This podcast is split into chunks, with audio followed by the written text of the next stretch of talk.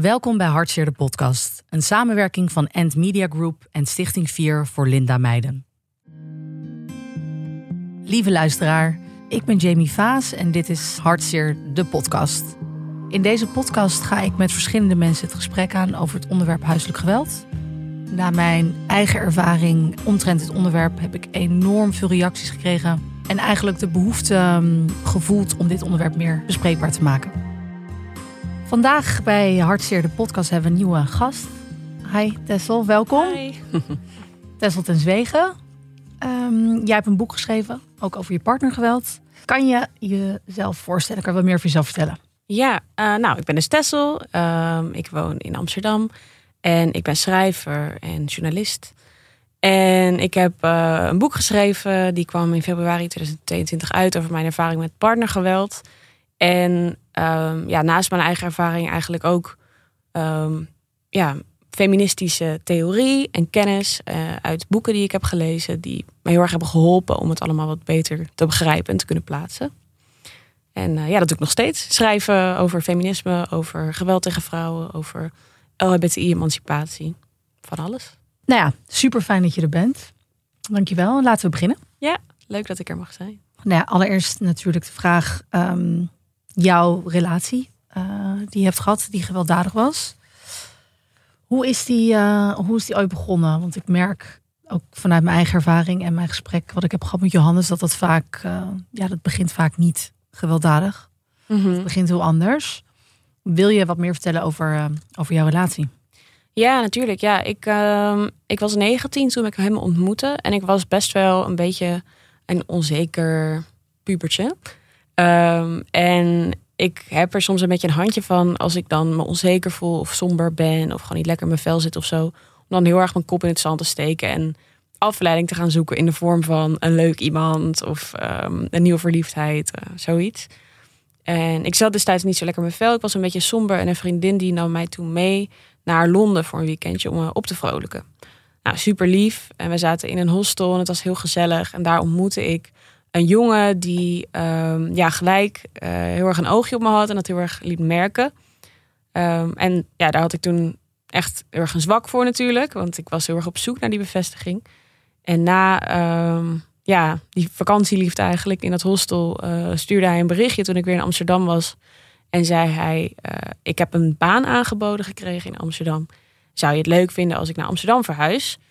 Maar uh, het is natuurlijk best wel lastig om een appartement te vinden hier. Dus of hij dan een weekje bij mij zou kunnen inwonen. Totdat hij zelf iets had gevonden. En uh, ik vond dat echt een heel groot romantisch gebaar. Ik voelde me heel erg vereerd. En uh, vond het allemaal heel spannend. Hij was 25 ook. Dus ik ja, was gewoon heel erg uh, gevleid dat een uh, man van 25 uh, interesse toonde in een meisje van 19. En ik zei ja. Maar toen ehm, kwam hij dus bij mij intrekken zogenaamd voor een week. En toen um, ja, ging die eigenlijk niet meer weg. En uh, al snel werd het, nou ja, eerst gewoon intimiderend en um, gewoon gemeen eigenlijk. Uh, en als ik daar dan wat van, van zei, dan ontkende hij dat. Of dan deed hij mij denken dat ik te gevoelig was of weet ik veel. Ja, omdraaien, manipuleren. Precies, Heel ja. herkenbaar, ja. En op een gegeven moment uh, sloeg het ook echt om naar fysiek geweld. Ook in kleine stapjes. Um, waardoor je dan de eerste paar keer misschien denkt van... Oh, uh, hij had het niet zo bedoeld. Of de eerste keer was hij ook erg dronken. Dus toen dacht ik van, oh, misschien ligt het daar aan. Je wil natuurlijk ook niet geloven dat iemand je zoiets aandoet of zo. Of dat de persoon waar jij verliefd op bent dat zou doen. Dus je zit het ook in je eigen hoofd een beetje goed te praten. Ja, en op het moment dat je dan beseft van... oké, dit is een gewelddadige relatie... dan is het al zo lastig. Want je hebt al zoveel grenzen eigenlijk verlegd... en zoveel rode vlaggen een soort van genegeerd... Um, het kost echt best wel wat om dat dan onder oog te komen of zo. Dus ja, ik was toen echt een beetje in een staat van ja, shock bijna. Of gewoon, ik snapte niet wat er gebeurde. Ik was echt hey, een beetje was ook in de war? Heel erg in de war, ja. ja. Ja, ja. echt momenten dat ik dacht van... ik moet nu weg of dit, dit slaat nergens op. En dan kon hij weer opeens zo lief doen. En er was dus ook best wel die leeftijdsdynamiek tussen ons... dat dat als hij zei van ja, je stelt je aan of je moet het allemaal niet zo persoonlijk opvatten, dat ik ook dacht van oh, misschien ben ik ook wel gewoon heel jong en te gevoelig, te gevoelig ja. en moet ik het me niet zo aantrekken.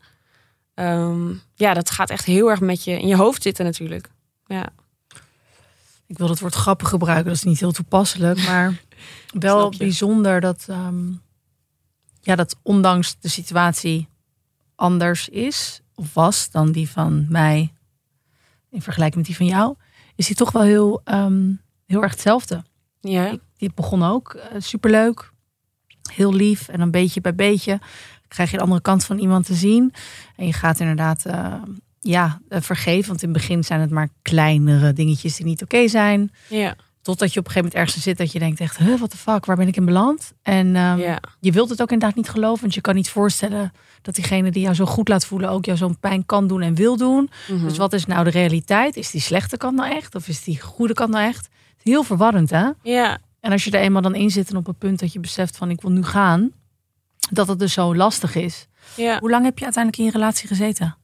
Ehm, ongeveer vijf maanden. Dus dat, dat viel gelukkig erg mee. Ik heb eh, dus in de tijd dat ik mijn boek heb geschreven en er verder ja, echt onderzoek naar gaan doen, erachter gekomen dat het best wel uitzonderlijk is. De meeste partnergeweld situaties duren veel langer en eh, komt ook heel veel stalking, et cetera, aan te pas. Nou, dat was bij mij gelukkig niet het geval. Maar ja, het was wel eh, inderdaad wat je zegt. De eerste paar weken waren dan fantastisch. En ik kreeg zoveel complimentjes. Ik voelde me zo goed. Eh, gewoon gelukkig, maar ook goed over mezelf. En ja, dat was gewoon, dat sloeg in kleine stukjes inderdaad om. En ook als je verliefd op iemand bent, dan heb je zo'n geromantiseerd beeld van iemand in je hoofd. Dat zodra eh, hij of zij of die dan iets zegt, eh, wat eigenlijk niet helemaal klopt, dat je het ook heel makkelijk weer wegwuift. En denkt van, ja, dit past niet in het beeld dat ik van jou heb, dus laten we Ja, het ja, negeren. klopt, klopt, klopt. Laten we het negeren. Dat is beter dan niet zien. Mhm. En ondertussen ben je telkens steeds je eigen grenzen aan het, ja, die, die vervagen. Ja, Je gaat er steeds overheen tot je op een gegeven moment denkt van, hè, wie ben ik eigenlijk en waar sta ik eigenlijk voor? precies. Want je wilt er eigenlijk niet voor staan. Het geweld dat jij eh, hebt meegemaakt in relatie, ehm, was dat fysiek, was dat mentaal? Nee, je hebt zo juist al verteld, hij kon ook heel gemeen zijn, verbaal. Ja, En op een gegeven moment werd het natuurlijk ook ehm, lichamelijk. ja. Is dat, ehm, ja, ik kan eigenlijk is het een beetje een gekke vraag om te stellen. Wat is voor jou, wat, wat, wat telt zwaarder? Maar voor mij bijvoorbeeld vond ik de, ja, de psychische kant, die vond ik heel zwaar. ja. Nog steeds vind ik dat heel eh, lastig te begrijpen. Nog steeds, wat, wat gebeurt er? Waarom zijn we dan zo in de war? Dat wilde ik aan je vragen. En zeggen eigenlijk dat het zo gek is dat iemand zo'n controle kan hebben over je, over your being. ja. Of over je happiness of over je, je, je downside. Dat iemand eigenlijk als een soort van marionetpoppetje. Als iemand lief tegen je is, ben jij goed. Mhm. Als iemand naar tegen je doet. ehm, althans, voor mij, dan voelde ik me heel slecht en ongelukkig. En dan had ik nergens zin in. En ik wilde dat maar goed maken, zodat ik me weer goed zou voelen. Ja, Had precies. jij dat ook? Oh, dat is echt zo herkenbaar. Gewoon, ehm, zeg maar, ook, ook voordat, ik bedoel, toen het fysieke geweld in onze relatie kwam, eh, dan is het natuurlijk al helemaal eh, is dat het geval. Want dan, dan, als iemand dan chagrijnig is of boos op je is, dan betekent dat gewoon, ja, klappen en echt fysieke pijn. Maar ook daarvoor was het ook al zo inderdaad, dat, dat ik zoveel van mijn zelfbeeld ook ophing aan zijn grillen en hoe hij dan tegen me deed. En als hij dan lullig tegen mij was of zo, dan had ik aan het begin nog wel de, de moed om er wat van te zeggen. Van hé, hey, ik vind het niet oké, maar het raakte me wel heel erg. Omdat ik denk ik ook ja, juist zo verliefd op hem was geworden en zo hard voor hem ben gevallen. Omdat hij aan het begin mij heel erg ophemelde. En op dat moment ehm, dat je in die situatie zit en iemand gaat dan het helemaal omkeren en je bent ineens niets waard en je bent lelijk en weet ik wat allemaal. Dan, ja, dan val je van zo hoog. Dus dan Val je in één keer naar de grond. Precies, ja. Dus dan ben je heel erg afhankelijk geworden van iemands mening en zijn eh, bevestiging.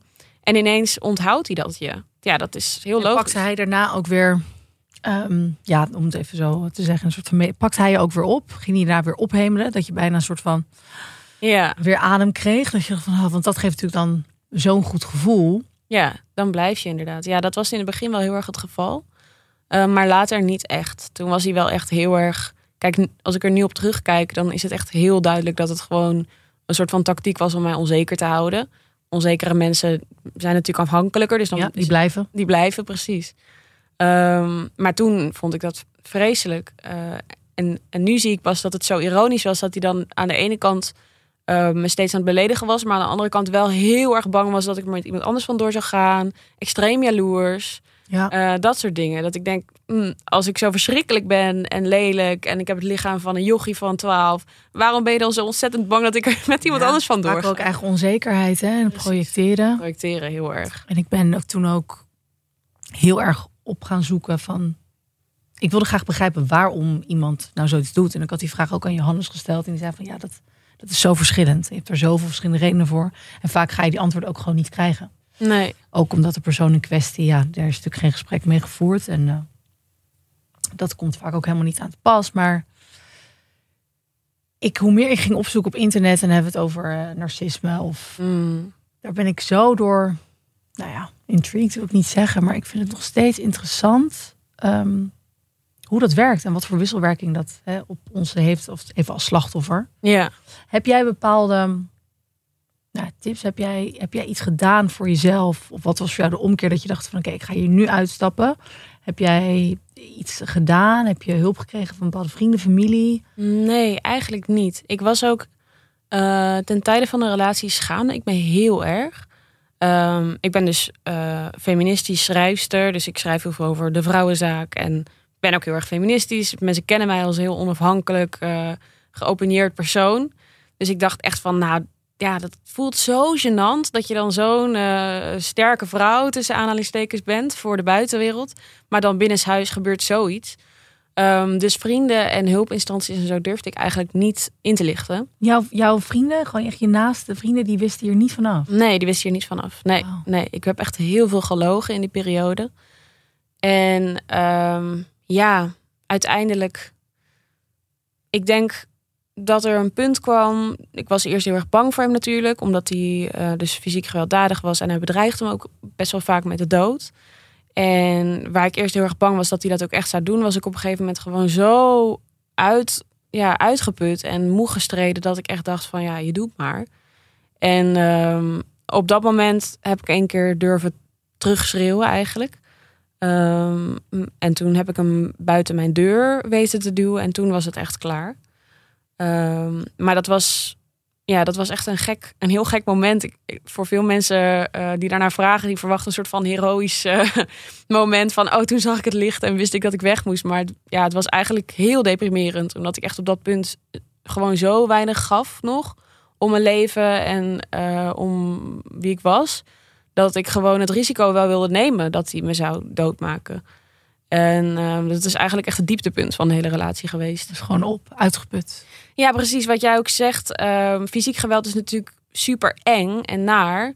Maar psychisch geweld is uiteindelijk wat mij echt heeft afgebroken gewoon. En wat ook echt het langst heeft gekost om weer op te bouwen. En weer ehm, ja, je zelfbeeld langzaam ehm, bij elkaar te sprokkelen. En, en weet je wel, en je eigen grens weer te waarborgen. Dat vond ik eigenlijk het lastigste. Ja, dat is echt. Ik ben het ook. Ik vind dat ook. Dat blijf ik ook zeggen. Je ziet het niet als buitenstaander ook niet. En ook indirect als je in de spiegel kijkt, eh, is het ook niet wat opvalt. Weet je, een blauwe plek of iets, dat zie je meteen. Ja, Maar ik zag wel mezelf telkens ook in de spiegel. Ik keek ook niet meer hetzelfde naar mezelf. ja. Ja, jij zal dat ook hebben natuurlijk. De mensen zien jou ook als een sterke vrouw, onafhankelijk.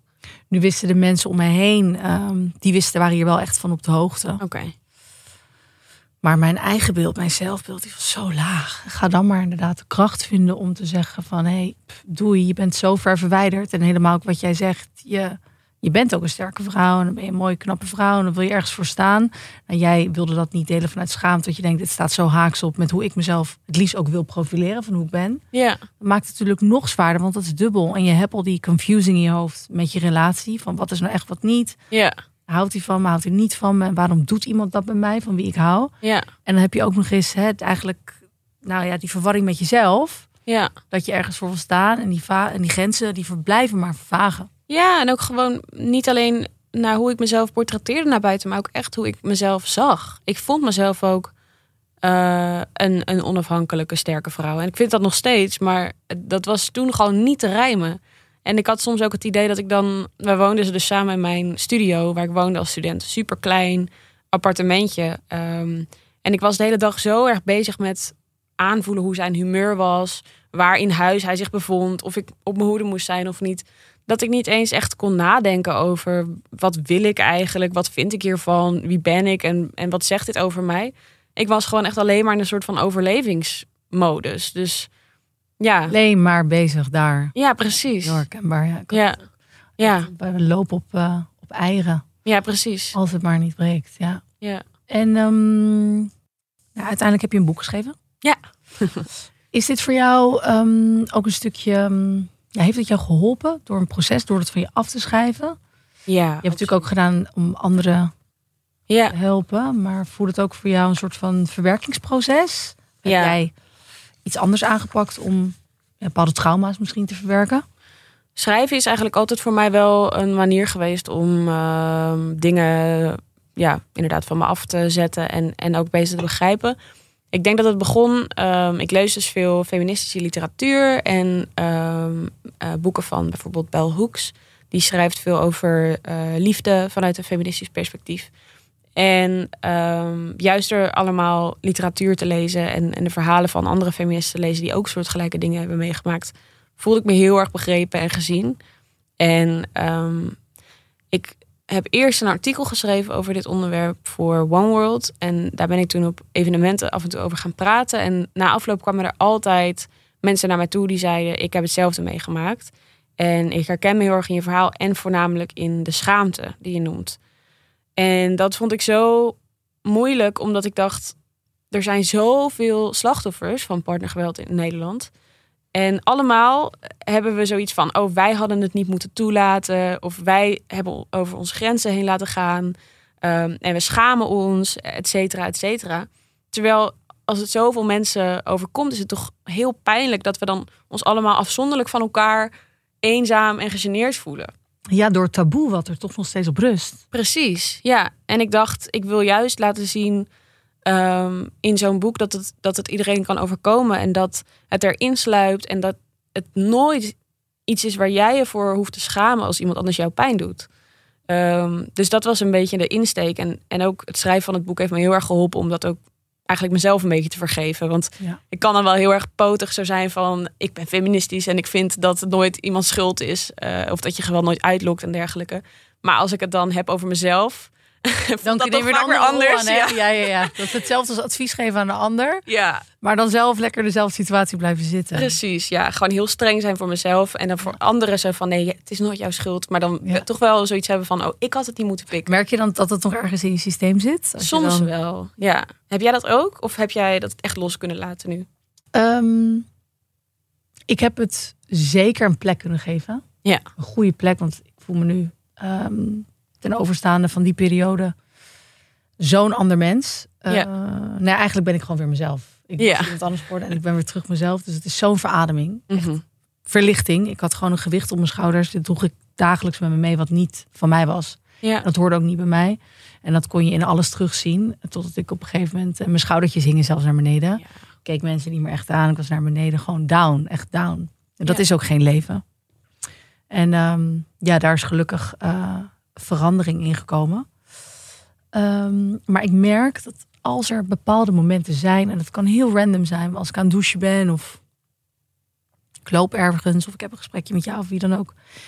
Dat kan mij in één keer in een flits, kan dat mij mee terugnemen naar een moment. En dan check ik wel direct uit, want ik wil daar niet blijven. Ook niet Mm. met gedachten. Het is een soort van, ik heb dat hup, heb ik daar gestopt in een kast en het kastje dicht. ja, Maar ik voel wel, direct gebeurt er hier wat. het zit er nog. Dus het zit er nog. Ja, nee, herkenbaar hoor. Ik, ik heb ook de eerste, het eerste jaar nadat, nadat ik dan van hem af was, was ik ook gewoon echt nog niet klaar om in therapie te gaan. Ik denk ook dat je dat niet moet haasten en dat je voor jezelf moet aanvoelen van, oh, nu heb ik tijd om het misschien weer een beetje toe te laten.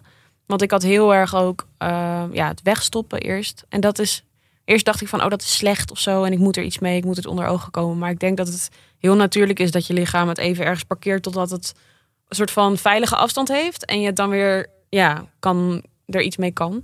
Ja, dat Als je daar behoefte aan hebt. Ja, wat sterker misschien ook bent. Ja. Heb je het gevoel dat je misschien later nog in therapie zou willen? Ehm, of denk je van nou... Zoals ik me nu voel, mhm. zeg ik nee. Maar dat komt omdat ik me gewoon goed voel. Ja. En er zijn leuke dingen in het verschiet. Ehm, en godzijdank is dat zo. Mhm. Maar ik sluit het niet uit. Ehm, want nu toevallig zit ik in, in een hele lekkere flow in mijn leven. En ik heb gelukkig allemaal lieve vrienden om me heen. En ik heb een heerlijke zoon. En alles ziet er gewoon wel lekker eh, rooskleurig uit. Maar goed, het leven kent altijd ups en downs. Mhm. Dus wie weet, als ik zo meteen misschien in een hele andere situatie, wat niks met de liefdesrelatie te maken heeft, misschien in een bepaalde put kom, waardoor misschien ook mijn eigen beeld misschien iets verandert, dan weet je nooit hoe die impact dan weer kan terugkomen. Ja, Dus ik ben me daar wel bewust van, omdat ik wel weet, het uh, ik zal niet vergeten in welke staat ik toen was. En dan heb ik het vooral mijn, mijn kopje erover. Dat was echt een Ja. unhappy place. En dat wil ik echt nooit meer. Mhm. Dus het is goed. eh, en het is fijn, weet je, dat vrouwen, nou ja, zoals jij, zoals ik en met ons velen, dat we daar gewoon over eh, kunnen praten. Ja. En die schaamte wat je zegt, ja, ik heb dat ook zo lang gehad. Ik bedoel, mijn ex die kon mij overal profileren van, guys, this is my queen en Mm. I love her, maar ik werd zo rot behandeld. Nou, en als ik wel eens door had dat mensen dat dan wel eens zagen, of dan zaten we in een restaurant aan tafel en dan kon hij zo lelijk doen. Dan schaamde ik me, want Ja, Hè, die mensen die denken ook van zij is zijn vrouw, zijn dingen. En dan, ja, je schaam oog uit je kop. ja, dan doe ik maar alles of alles. Nee, alles is oké. Maar ondertussen zit je tranen weg te slikken en heb je zo'n brok in je keel. weet je wel. precies.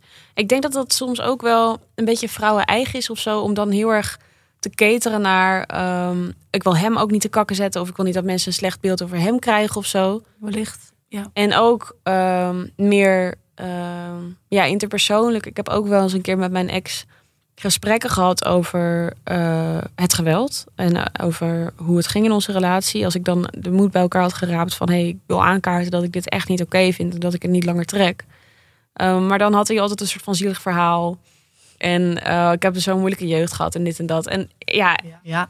Ik ben dan altijd iemand die dan wil helpen en wil begrijpen en, en er doorheen wil praten. Eh, omdat ik zelf heel erg zo ben. Als ik problemen heb of, of merk dat ik eh on, ongezonde patronen of zo heb in mijn leven, dan wil ik er doorheen praten met mensen en dan wil ik eraan werken.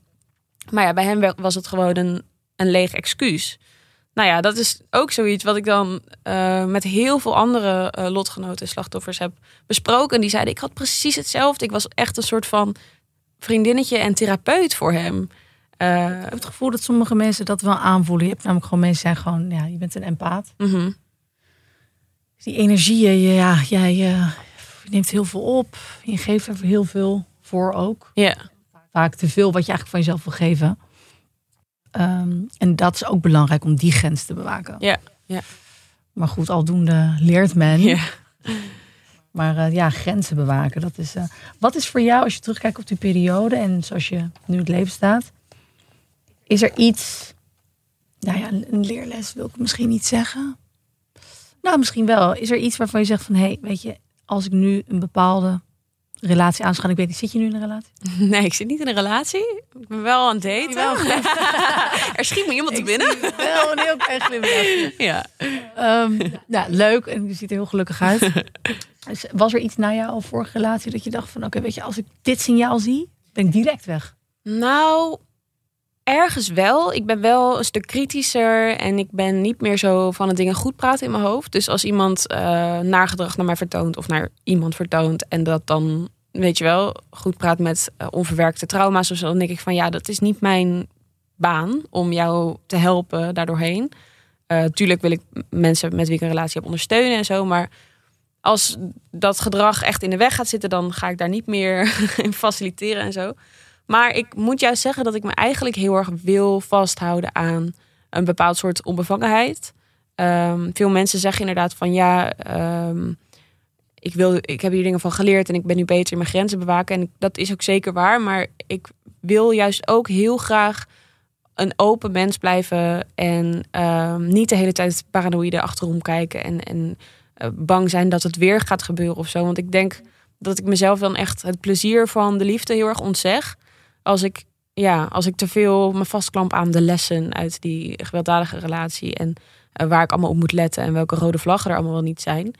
Ik wil eigenlijk juist gewoon ja, me heel erg vasthouden aan het plezier van het liefhebben en, en openstaan. En daar eigenlijk niet te veel mee bezig zijn. Ik probeer het nu echt gewoon zoveel mogelijk achter me te laten. Ja, zo mooi. Misschien is het ook het trauma dat je dan hebt opgelopen, wat er dan voor zorgt dat je zo op je hoede bent. Ik ben hetzelfde hoor. Ik geloof ook nog steeds in de liefde. En eh, ik, eh, ik zit er misschien weer een klein beetje in. Maar ik merk wel dat als ik. ehm, ik ben nu wel wat. wat ehm, nou, niet strenger. Ja, misschien ben ik wel wat strenger voor mezelf. Omdat ik weet gewoon dat het ook heel goed voelt. Mhm. En dat, die ervaring heb ik nu ook om weer de regie even terug te pakken. Ja. En om gewoon te zeggen, ik vind het niet fijn. Ik vind het niet fijn. Jammer dan. Even wat jij ervan vindt. Ja. Want ik ben best wel een pleaser van nature. Ja, ik ook. Maar dat pleasen heeft me ergens gebracht wat helemaal niet fijn voelde. Dus dat pleasen, hm, nog steeds ben ik super lief en weet je, doe ik alles voor de mensen van wie ik hou. Ja. Maar ik ben me wel bewust van bepaald gedrag waarvan ik eerst zei van, oh nee, nee, nee, is oké. Nee, ik voel me hier niet fijn bij. Ja. Dat zeg ik ook en ik stap direct uit de situatie. En grappig ehm, was ik laatst heel, heel anders geschetst hoor. Maar in een situatie die ik niet prettig vond, heb ik meteen wat van gezegd. Ik ben meteen opgestapt. En uiteindelijk de volgende dag is het ook gewoon oké. Maar weet je, diegene weet wel van hé, hey, Dit is niet... eh, dit is even ja. niet zoals we het eh, gaan doen. Dit vinden ze niet fijn. En het fijne is dat je dan ook, laten we zeggen, in een gezonde relatie, kan je daar ook gewoon dan achteraf normaal over Ja, praten. is er gewoon ruimte voor. Is er gewoon ruimte voor Precies. praten. Ja, ik vind dat ook echt fijn. Ik heb nu ook eh, inderdaad, als ik aan het daten ben, dat ik eigenlijk best wel snel dingen deel over wat er is gebeurd. Omdat ik denk van ja, als iemand dat niet aan kan, of dat heftig vindt om over te praten, of dat ongemakkelijk vindt, dan is dat niet de persoon voor mij, denk ik. Eh, en ik wil juist met iemand inderdaad kunnen praten over wat er bijvoorbeeld voor mij nog steeds triggerend is, of waar iemand rekening mee moet houden, of wat voor mijn grenzen zijn. En ik heb inderdaad, wat jij net ook zegt, van eh, ik wil gewoon grenzen kunnen stellen zonder dat ik die per se hoef te duiden of zo. Ehm, dat ik niet hoef uit te leggen van nou, dit is een grens voor mij hier en hierom. Gewoon, ik wil dit niet. En dat is eigenlijk voldoende informatie. Precies. En dat vind ik ook super fijn, inderdaad, om, eh, om, die, om mezelf dat te gunnen, om die vrijheid te nemen. ja, Ja. want dat verdien je ook gewoon. Zo hoort het ook eigenlijk te zijn. Ja. Vind jij het nog lastig af en toe, eh, het daten? Vind je het nog spannend? Of denk je van, eh, ik ben er klaar voor en ik heb er vertrouwen in? Nou, laat ik het zo zeggen. Ik dacht van, ik blijf gewoon eh, nog honderd jaar vrijgezel. Mhm. Want ik ben weer, ja, content met mezelf. Ja, Ehm, gelukkig. was, ja, Echt? Het was ook lekker gezellig met mezelf. En het is nog steeds gezellig met mezelf trouwens. Ehm, dus ik dacht, ja, dit is nu helemaal niet waar ik naar op zoek ben. Ik sta ervoor open. Ik hou van de liefde. Mhm. Ik vind eh, in een relatie zitten ook super leuk. En Ja. ik ben denk ik ook wel een relatietype. Dus ik vind het ook fijn om een partner naast me te hebben. Ja. Ehm, op een gezonde en leuke manier. Mhm. Maar ja, dit eh, overkwam me niet gepland. Eh, en in het begin dacht ik van nee. En dan heb je natuurlijk ook nog eens heel veel vrienden om je heen die dan zeggen van nou, dat moet je nu echt niet doen. Dat is niet de tijd. Mm. Ja, is daar een regel voor? Nee. Waarom zou ik wachten met iets wat op dat moment goed voelt? Weet je, daar no rules. En Ja. toen dacht ik op een gegeven moment, weet je, ik voel me hier ook goed bij. Dus ehm, ja, ik stel me daar gewoon voor open. En dat voelt nog steeds goed. Ja. En eh, laten we hopen dat dat goed blijft. ja, precies. Nee, ik vind ook dat je jezelf dat gewoon moet gunnen. En Toch? Ja. nadenken over, oh, is het al, is het daar niet te vroeg voor of zo? Dan denk ik ook van, ja, je kan dat nooit timen eigenlijk. kan je nooit timen. En dadelijk mis je misschien de liefde van je leven. En dan uh, op een vijftigste alleen op de bank. Zo vaar is dat niet lopen, maar... Nee. en- Is er iets wat je graag wil delen? En wat ik misschien ben vergeten te vragen aan je? Of... Ik vind het altijd het belangrijkste om te hebben over, over schaamte. En over dat mensen gewoon zich nooit moeten schamen voor ja, iets wat iemand anders aandoet. Ehm, ja, ik, ik heb dus wel eens de vraag gekregen van waarom ga je niet gewoon weg? Of ik had niet verwacht dat jij het zou toelaten. En ehm, ja, dat, dat zijn echt dooddoeners. Ik vind dat niemand dat ooit zou moeten horen. Dus mocht iemand dit luisteren en die vraagt zich af van waarom gaan ze niet gewoon weg? Ja, je weet dat pas als je het zelf hebt meegemaakt. Als je erin zit, ja, die zijn niet emotioneel betrokken. Precies, ja. Dat ieder van ja, ons, hè, van degenen die een soortgelijke eh, situatie hebben meegemaakt, die herkennen dat denk ik wel. Ja, Vanuit het onbegrip van naasten. ja, Eh, en wat kan. Wat zich uiteindelijk kan uiten in victim, victim blaming. Maar het is eh, echt inderdaad niet te begrijpen en vaak ook niet uit te leggen. Nee. Degene die er niet in zit. En dat kan ook goed bedoeld zijn. Hè? Ik bedoel, ehm, de titel van mijn boek komt uit, komt uit een gesprek eh, met een vriendin van mij. Die ehm, eigenlijk een beetje tekenen opving van dat het misschien niet zo goed zou gaan tussen mij en mijn ex. En die zei tegen mij van, ja, ik vond dat hij best wel agressief tegen je deed gisteravond. En ehm, ik weet wel beter, dat zou je nooit toelaten. Ehm, ze, ze had dus vermoedens dat hij misschien gewelddadig was, maar ze zei dat zou jij nooit toelaten. Ehm, en dat was goed bedoeld van haar. Ze probeerde toen een soort van hand uit te reiken en te zeggen van als er iets is, kun je het me nu vertellen. Of ik wil even checken of zo, of polshoogte nemen. maar ja, dat, dat, dat bleef echt in mijn oren hangen. Van, Nog heftiger. Ja. Dat je die druk. Ik kan nu helemaal niet meer uiten. Want zelfs dat verwachtingspatroon hebben blijkbaar mijn vrienden van mij. precies. En, en dat ene woordje toelaten. Hoe bedoel je?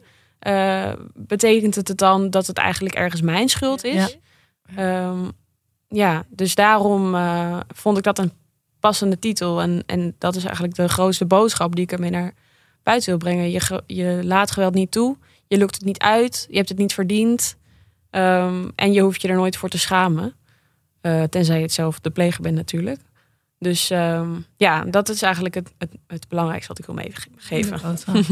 nou, daar sluit ik me helemaal bij aan. Mooi zo. Mooi. Tessel, dankjewel. Graag gedaan. Ja, was leuk je te spreken. Ja, hetzelfde.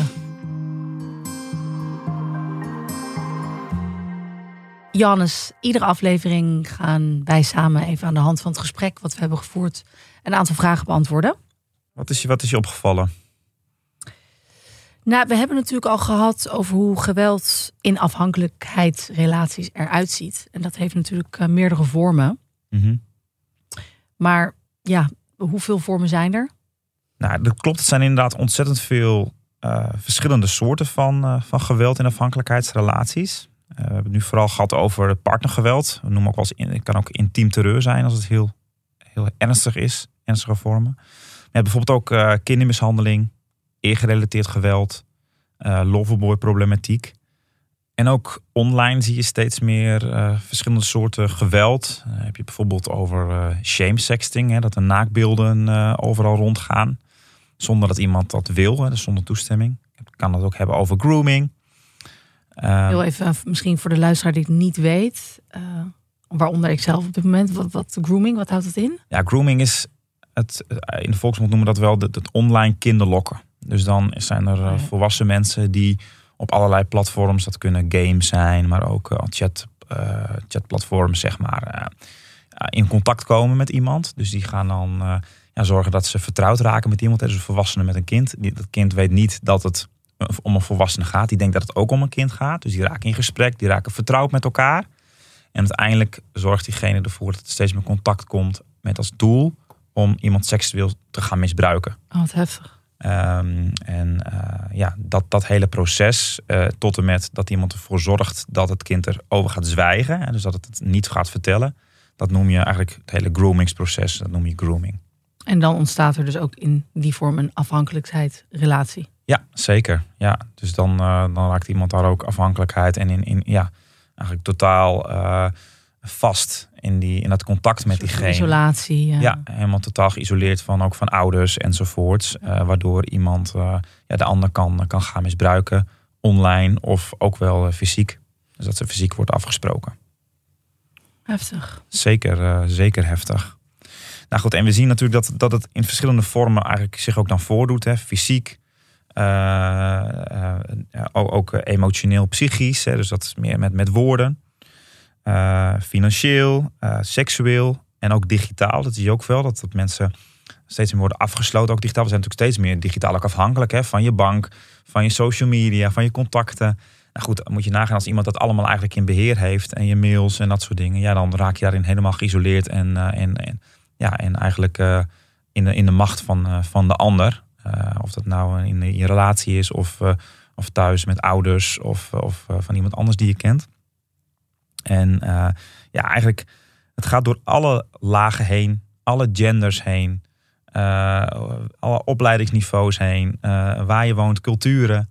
En dus het zit echt heel, ja, doorkruist de hele maatschappij eigenlijk waar dit, waar dit, waar dit ja, voorkomt. Dus je kan niet, Kan iedereen eigenlijk kan- overkomen het in kan iedereen overkomen. En dat is- vele, vele vormen. ja, en het is ontzettend moeilijk om eruit te komen. En dat is van een afstandje begrijpen mensen dat soms helemaal niet. Of dan oordelen ze van ja goed, had dit of dat. Of je bent ook dom als je blijft. Of nou ja, had je maar weg moeten gaan. Of had je daar maar niet heen moeten gaan. Dan weet je ook dat het mis kan gaan.